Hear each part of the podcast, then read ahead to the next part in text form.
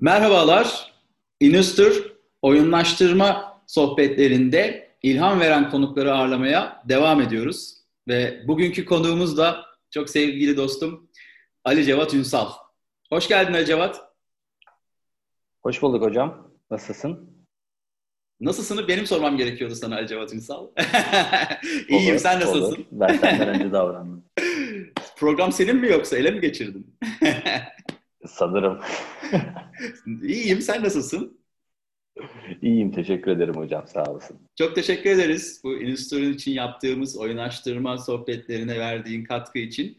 Ee, gerçekten çok keyifli bir sohbet olacak. İnanıyorum ben de.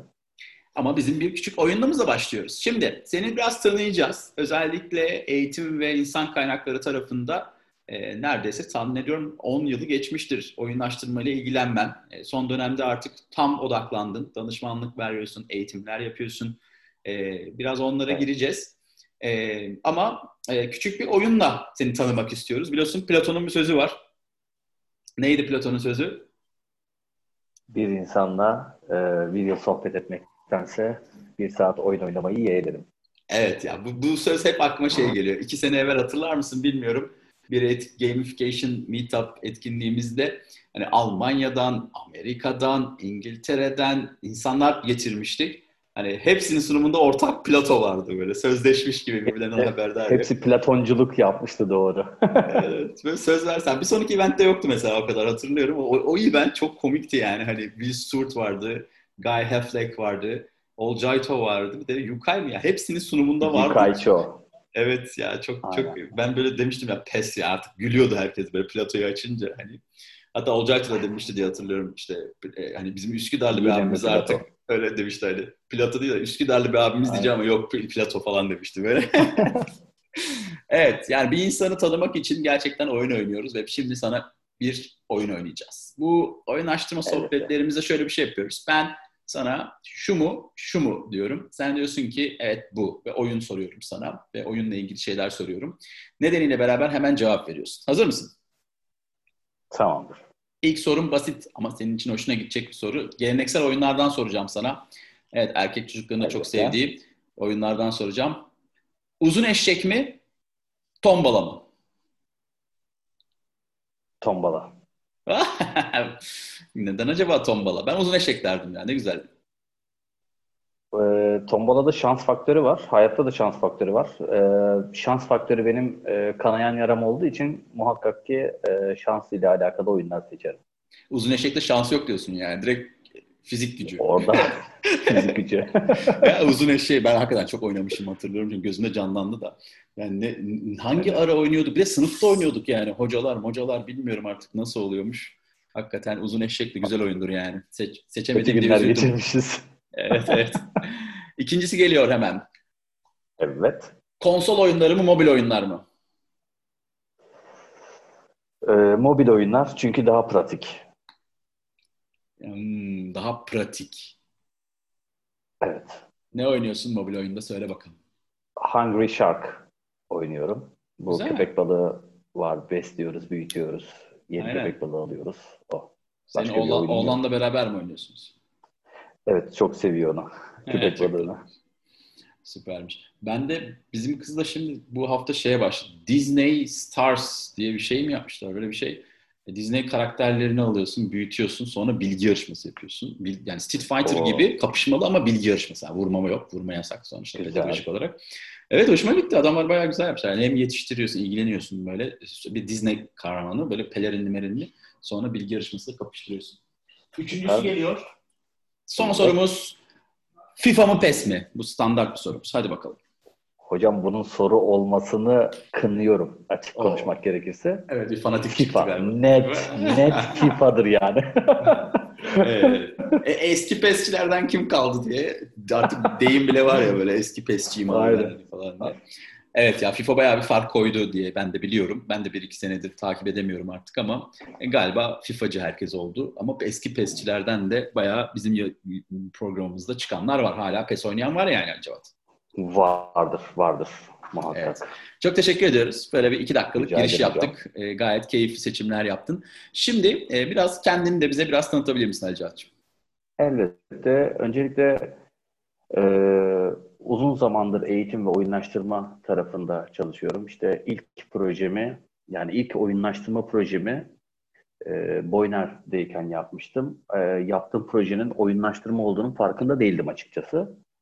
E, yaptım böyle çok beğenildi, çok hoşumuza gitti. Biraz da geliştirmeye çalıştım. Sonradan e, daha büyük bir kurumdan bir İK yetkilisi bana şey demişti. Hani bu oyunlaştırma olabilir bunu bir araştır.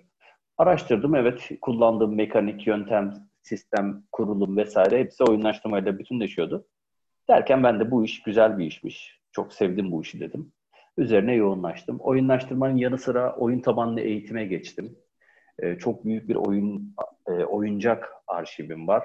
Ee, kütüphanem var evde. Oyun kütüphanesi. Yani hem kitap kütüphanem var hem oyun kütüphanem var. Oğlumun en sevdiği özelliklerden bir tanesi o. Ee, onun dışında eğitime uygulamaya başladım. Sonra kendi eğitimlerimi doğrudan oyunlaştırılmış bir biçimde verirken başkalarının eğitimlerini de oyunlaştırmaya başladım. Hani bir danışmanlık e, vesilesi oldu. Böyle zorlanılan eğitimlerde genellikle finans türevi, mevzuat türevi olan eğitimlerde bu işleri yaptım. Oyunlaştırmayla alakalı birçok projeye giriştim diyebilirim. İşte İK tarafı zaten e, birazdan onlarda detayına girebilirim istersen. İK tarafıyla alakalı birçok süreçte oyunlaştırma çalıştım. Ee, bilmiyorum senin de var mıdır ama çok böyle çok ilginç oyunlaştırma e, örneklerim de oldu böyle. Çok yok artık. Benim bile inanmadığım hani bu oyunlaştırılır mı ya deyip e, sonradan gerçekten oyunlaştırılabiliyormuş deyip de hani vallahi helal olsun bu mükemmel bir e, problem çözme metoduymuş dediğim e, zamanlar oldu. Kısacası e, bu şekilde diyebilirim. Evimi de oyunlaştırdım, çocuklarımla ilişkimi de oyunlaştırdım, sosyal ilişkilerimi de oyunlaştırdım. Biz de böyle. Gayet iyi yapmışsın hocam. Ee, şimdi benim de e, seni tanımam, e, ben oyunlaştırma 2014'te ilgi duymaya başladım. Daha doğrusu e, ilgi duyuyordum da hani böyle bir nedir bu deyip böyle adam akıllıca bir bakmaya başladığımda senin makalelerini hatırlıyorum. Ee, senin e, özellikle bir blogun vardı böyle bıyık konseptli Biraz onu da evet. bana hatırlatır mısın? Şimdi unuttum. Aynen. Bu, bu bıyığa güven miydi? Böyle öyle bir ilginç ismi de Doğru. vardı. Hani çok senin hani Ali Cevat Ünsal diye biz dinleyenler internete de yazaraktan bakabilirler. E, çok güzel bir tema da yapmıştı fenomenlikle ilgili. E, bu bıyığa güven diye bir konsepte orada oyun e, oyunla işe alma, oyunla işte e, performans görüşmeleri, oyunlaştırmadan paylaşıyordun. Bu bıyığa güven devam ediyor mu? Biraz bu bıyığa güvenelim mi hala? Hocam şöyle, e, çok uzun yıllar oldu bu bu bıyık formunu. Muhakkak ki e, beni tanımayanlar internete girip Ali Cevat Ünsal yazdıklarında karşılaşacaklar. Bu bıyık formunu e, 13 yıldır ben koruyorum. E, bıraktığımda kimse de yoktu diyebilirim. Böyle biraz da hani herhangi bir manası olmamasını istemiştim bıyığın. Sonradan dedim ki hani e, beni tanımlayan şey bıyıkmış. Çünkü ben konferanslara gidiyorum, insan kaynaklarıyla alakalı firmalara gidiyorum. Hep böyle arkamdan şey konuşulduğunu duyuyorum. O bıyıklı adam var ya, hani o bıyıklı blokçu var ya, bıyıklı İK'cı var ya diye dendiğini duydum. Dedim ki o zaman bu bir marka olmalı. İşte bir oyun konsolu, bir de bıyık e, şeklinde bir logo oluşturdum kendime. E, sonra bu buyuya güven diye de bir hashtag oluşturdum. Yaklaşık bir 8-10 yıl olmuş olabilir. İşte Twitter'da ağırlıklı kullanmıştım. Instagram'da da kullandım. Halen kullanıyorum. Sonra bunu bir projeye dönüştürdüm bir dönem. Bir 3 e, yıla kadar. Konferanslarda bıyıklı sohbetler hashtag ile e, yanımda bir tane bu hani kınalarda falan dağıtılır ya böyle sopaya takılmış keçiden bıyık. Benim bıyığa benzeyen. Yanımda birini görüyorum, ona veriyorum o bıyığı, fotoğraf çekiniyoruz falan. Böyle çok büyük bir arşivim olmuştu. Ee, bıyık biraz da hani sohbete girişi, e, iletişim sağlamayla alakalı bir e, giriş oyunlaştırması diyebiliriz. Hani o e, buz kırıcı görevi gördü.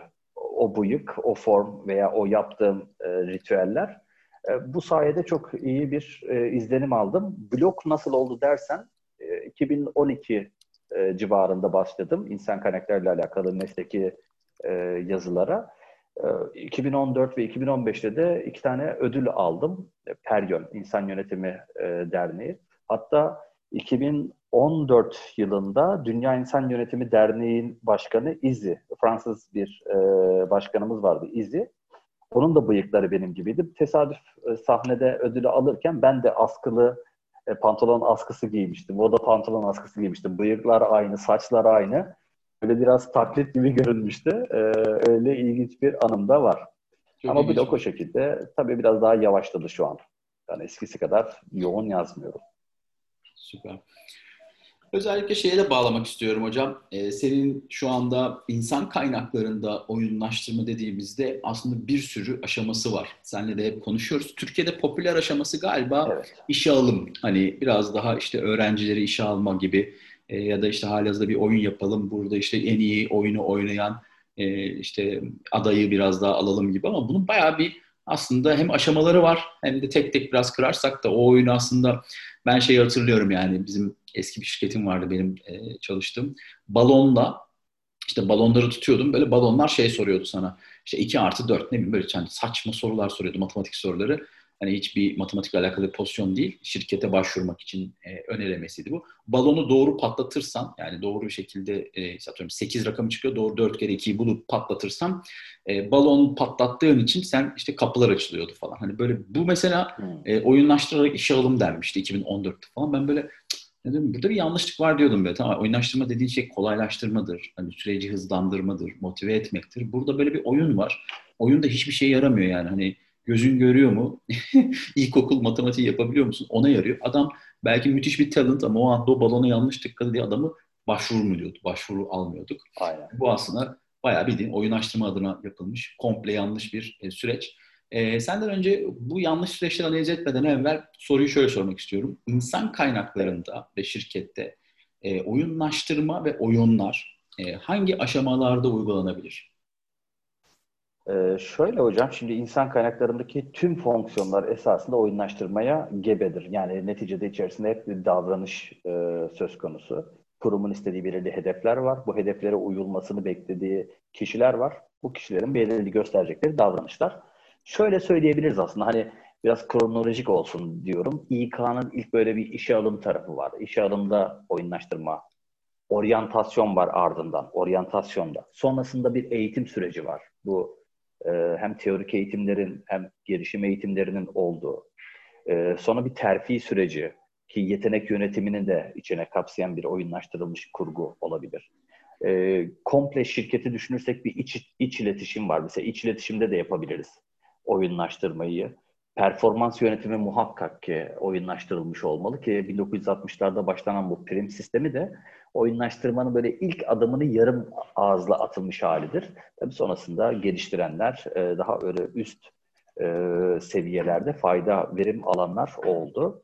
E, bir de senle konuşmuştuk bunu çıkış tarafında bir oyunlaştırma yapılabilir. Yani kişi çıkıyor ve çıktıktan sonraki süreçte de yine bir oyunlaştırmayla e, belirli hedefler gerçekleştirilebilir diye düşünüyorum. İK tarafında birçok fonksiyon var çünkü. Ben bu arada e, employer brand yani işveren markası tarafında da bir oyunlaştırma projesi yapmıştım ama işveren markası her kurumun girdiği bir top olmadığı için e, onu biraz daha böyle bu az önce saydığım fonksiyonların dışında tutabiliriz. Doğru. Ben özellikle şeyi düşünüyorum. Dediğim gibi doğru bir oyunlaştırma işe alımda nasıl yapılır? İşe aldıktan sonra performans amaçlı nasıl yapılır, eğitimlerinde nasıl yapılır.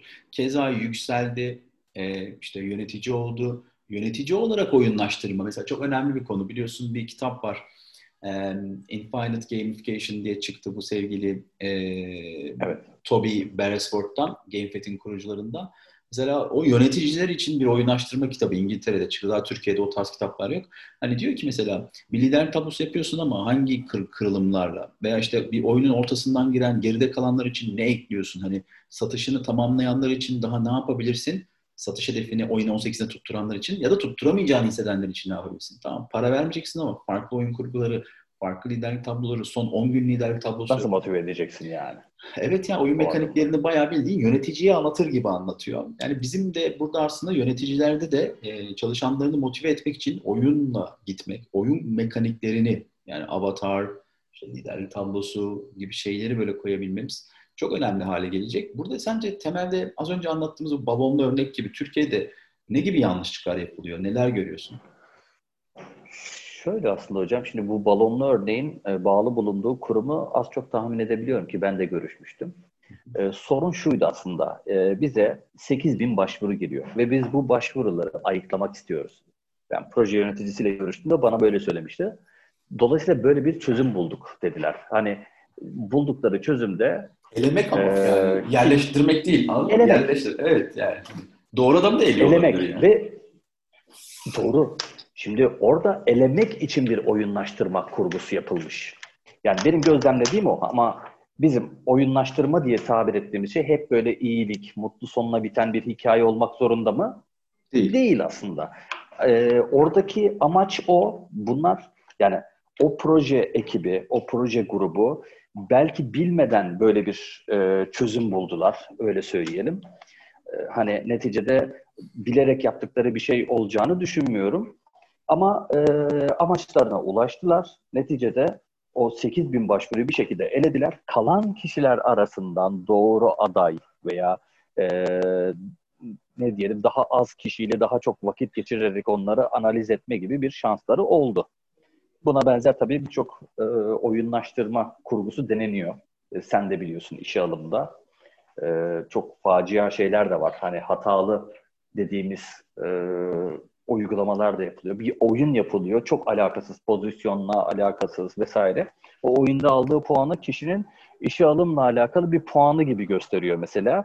E, bunlar biraz hatalı. Çünkü dediğin gibi e, doğru yetenek o orada yüksek puan alamamış olabilir veya hani o beceriye, analitik beceriye sahip olmayan fakat senin yaratıcılıkla e, bezenmiş bir pozisyonun için orada analitik bir başarı bekliyorsun. Bu hatalı bir hareket. E, kaleciden kafayla gol atmasını beklemek gibi bir şey. E, oradaki hatalar tamamen e, kişinin yetkinliklerini, pozisyon yetkinlikleriyle örtüşü, örtüşmeden bir kurgu yapmak. Oyun olabilir, oyunlaştırma olabilir. E, bence doğru karar. E, önce bir norm kadro, yetkinlikler çıkacak o yetkinliklere uygun bir oyunlaştırma kurgusu yapılacak ve bu doğrultuda kişiler analiz edilecek, işe alınacak veya elenecek az önceki örnekte olduğu gibi. Çok katılıyorum. Yani e, çok güzel bir fikirdir. Böyle 4 milyon öğrenci var Türkiye'de hakikaten. İşte bu milyonlarca öğrenciye biz bir oyun açalım e, ve oyundaki karar alma ağaçlarına göre işte ne diyelim bir kitap özeti çıkartıyor mu? Bir oyunda daha çok meydan okuma gibi sosyal kurgulara mı gidiyor? Yoksa kendi sadece bireysel görevleri mi tercih ediyor? Risk alıyor mu? Yoksa takımı koruma duygusu mu yüksek? Mesela senaryolarla. E, mesela öyle bir hikayeleştirilmiş oyun, oyunlaştırma da vardı. İşte bir takımla bir dağa çıkıyorsun. İşte birazdan meteor yağacak. Hani mağaraya mı girersin? Yoksa işte gümüş şemsiyeler var. İşte, ko, işte büyük e, şeyler var, kor, korunaklar var. Orada mı gidersin? Mesela risk alır mısın? Yoksa direkt mağaraya girersin, zaman mı kaybedersin? Mesela bunun doğrusu yanlışı yok aslında onu anlamamız lazım. Ben çünkü Türkiye'de işe alım oyunlaştırmasının daha çok işte soru cevap tarzı yapılıp doğu, hani bir yarışma gibi böyle bir e, işte sınav gibi ölçümlemeyle ve geride kalanla yapılıyor. Değil, senin alacağın pozisyonun e, yeteneklerine uygun mu ve bunu oyunda yapabiliyor mu? Platon'un dediği gibi oyundayken bunu doğru bir şekilde yapabiliyor mu? Bunu iyi analiz etmek gerektiğini düşünüyorum ve bunu yapan yurt dışında çok fazla firma var e, Türkiye'de ufak ufak artacaktır diye düşünüyorum ama dediğim gibi biraz daha oyunlaştırmayı daha iyi anlamak, elemek gibi değil, e, güçlü yanını oyunla keşfedip doğru yere adreslemek lazım. Senin özellikle oyunlaştırmanın e, İK'dan da bağımsız. E, Türkiye'deki yolculuğunu nasıl buluyorsun? Hani son işte konuşmamızın 4-5 dakikasında sana onu özellikle sormaya çalışacağım şey. E, Türkiye'de İK odaklı olarak değil, genel olarak oyunlaştırma ne durumda ve sence nereye gidecek? Biraz da gelecekten birkaç mesaj. Ee, şöyle hocam, burada benim e, ilk vereceğim örnek şu. Şimdi ben bir hani kuruma gidiyorsun işte oyunlaştırma ile alakalı çözüm sunuyorsun. Bir problemleri var. Bu problemleri giderebileceklerinden bahsediyorsun. Karşılaşılan durum şuysa eğer hani oyun ciddi bir kurum için e, oldukça gereksiz bir şey diye bir tavır takınılıyorsa pardon oyunlaştırma ciddi bir kurum için gereksiz bir tavır diye takınılıyorsa e, orada hani mantalite olarak kişiler hazır değilse e, siz oraya doğru oyunlaştırma yapamıyorsunuz. Sizin yerinize farklı kişiler geliyor ve onların isteklerine göre bir kurgu yapıyor. Dolayısıyla ortada bir oyunlaştırma yokken sanki oyunlaştırma doğrudan verimsiz bir e, metotmuş gibi algılanabiliyor. Ben Türkiye'de bununla alakalı birçok örnek gördüm. Yanlış kurgular, e, yanlış e, tercihler diyelim veya üst yönetim onayı olmadan bir projeye başlanıp sonradan biz bundan verim alamadık demek gibi birçok e, kötü örnek var. Türkiye'deki yolculuğu biraz sallantılı geçmiş. Oyunlaştırma net olarak anlaşılmadığı için e, yapılan şeyler de, e, kurgulayan kişiler de yanlış kurgular gerçekleştirmiş. Kimisi maliyeti gözetmiş, kimisi eforu gözetmiş. Dolayısıyla ortaya çok iyi işler çıkmadığı için oyunlaştırma herkes tarafından net bilinmiyor. E, esasında davranış e, biliminden e, biraz daha desteklenen, e, doğrudan iş dünyasının içerisinde insan odaklı e, fonksiyonların içerisinde yer alan bir problem çözme metodudur. E, çok da faydalıdır. E, ama ya yanlış kurgu ya da farklı dinamiklerden dolayı biraz heba olmuş kavram diyebiliriz. Doğru. Hazır buradan sana da hemen sorayım. Daha önce de sormuştum. Senin elinde bir güç olsaydı oyunlaştırmanın adını neyle değiştirmek isterdin? Son sorum da bu olsun sana. Hmm. Evet, isim biraz şey diyorsun değil mi? Oyun kelimesi belki. Çünkü kültürümüzde de var o oyun. Oyun mu oynuyoruz burada? Bize oyun oynanıyor gibi. Ee, yani davranışla alakalı bir kelime koyabilirim ya. Yani şu an tam oturmadı ama mesela bu şey Amerika'da Haybit e, ile alakalı bir çalışma yapılmıştı kavram olarak. Ona benzer bir şey koyabilirim çünkü doğrudan biz davranışla alakalı çalışıyoruz. Davranış tarafını, davranış döngüsünü değiştirmeye çalışıyoruz. Oyunlaştırma demeseydik muhakkak davranışla alakalı bir tümce koyabilirdik oraya. Çok teşekkür ediyorum Ali Cevap bize verdiğin katkılar için. E, son cümleyle senden oyunlaştırma Rica sohbetlerini bugün senle tuttuk. Çok da keyifli geçti. E, bundan sonrası için gelecekte oyunlaştırmayı bizi dinleyen arkadaşlara ne gibi mesaj vermek istersin? E, muhakkak ki e, birçok e, yerden hani az buçuk bir bilgi sahibi olmuştur herkes. E, birçok kişiden de duymuşlardır. Oyunlaştırma muhakkak ki her alanda kullanabileceğimiz bir problem çözme aracıdır.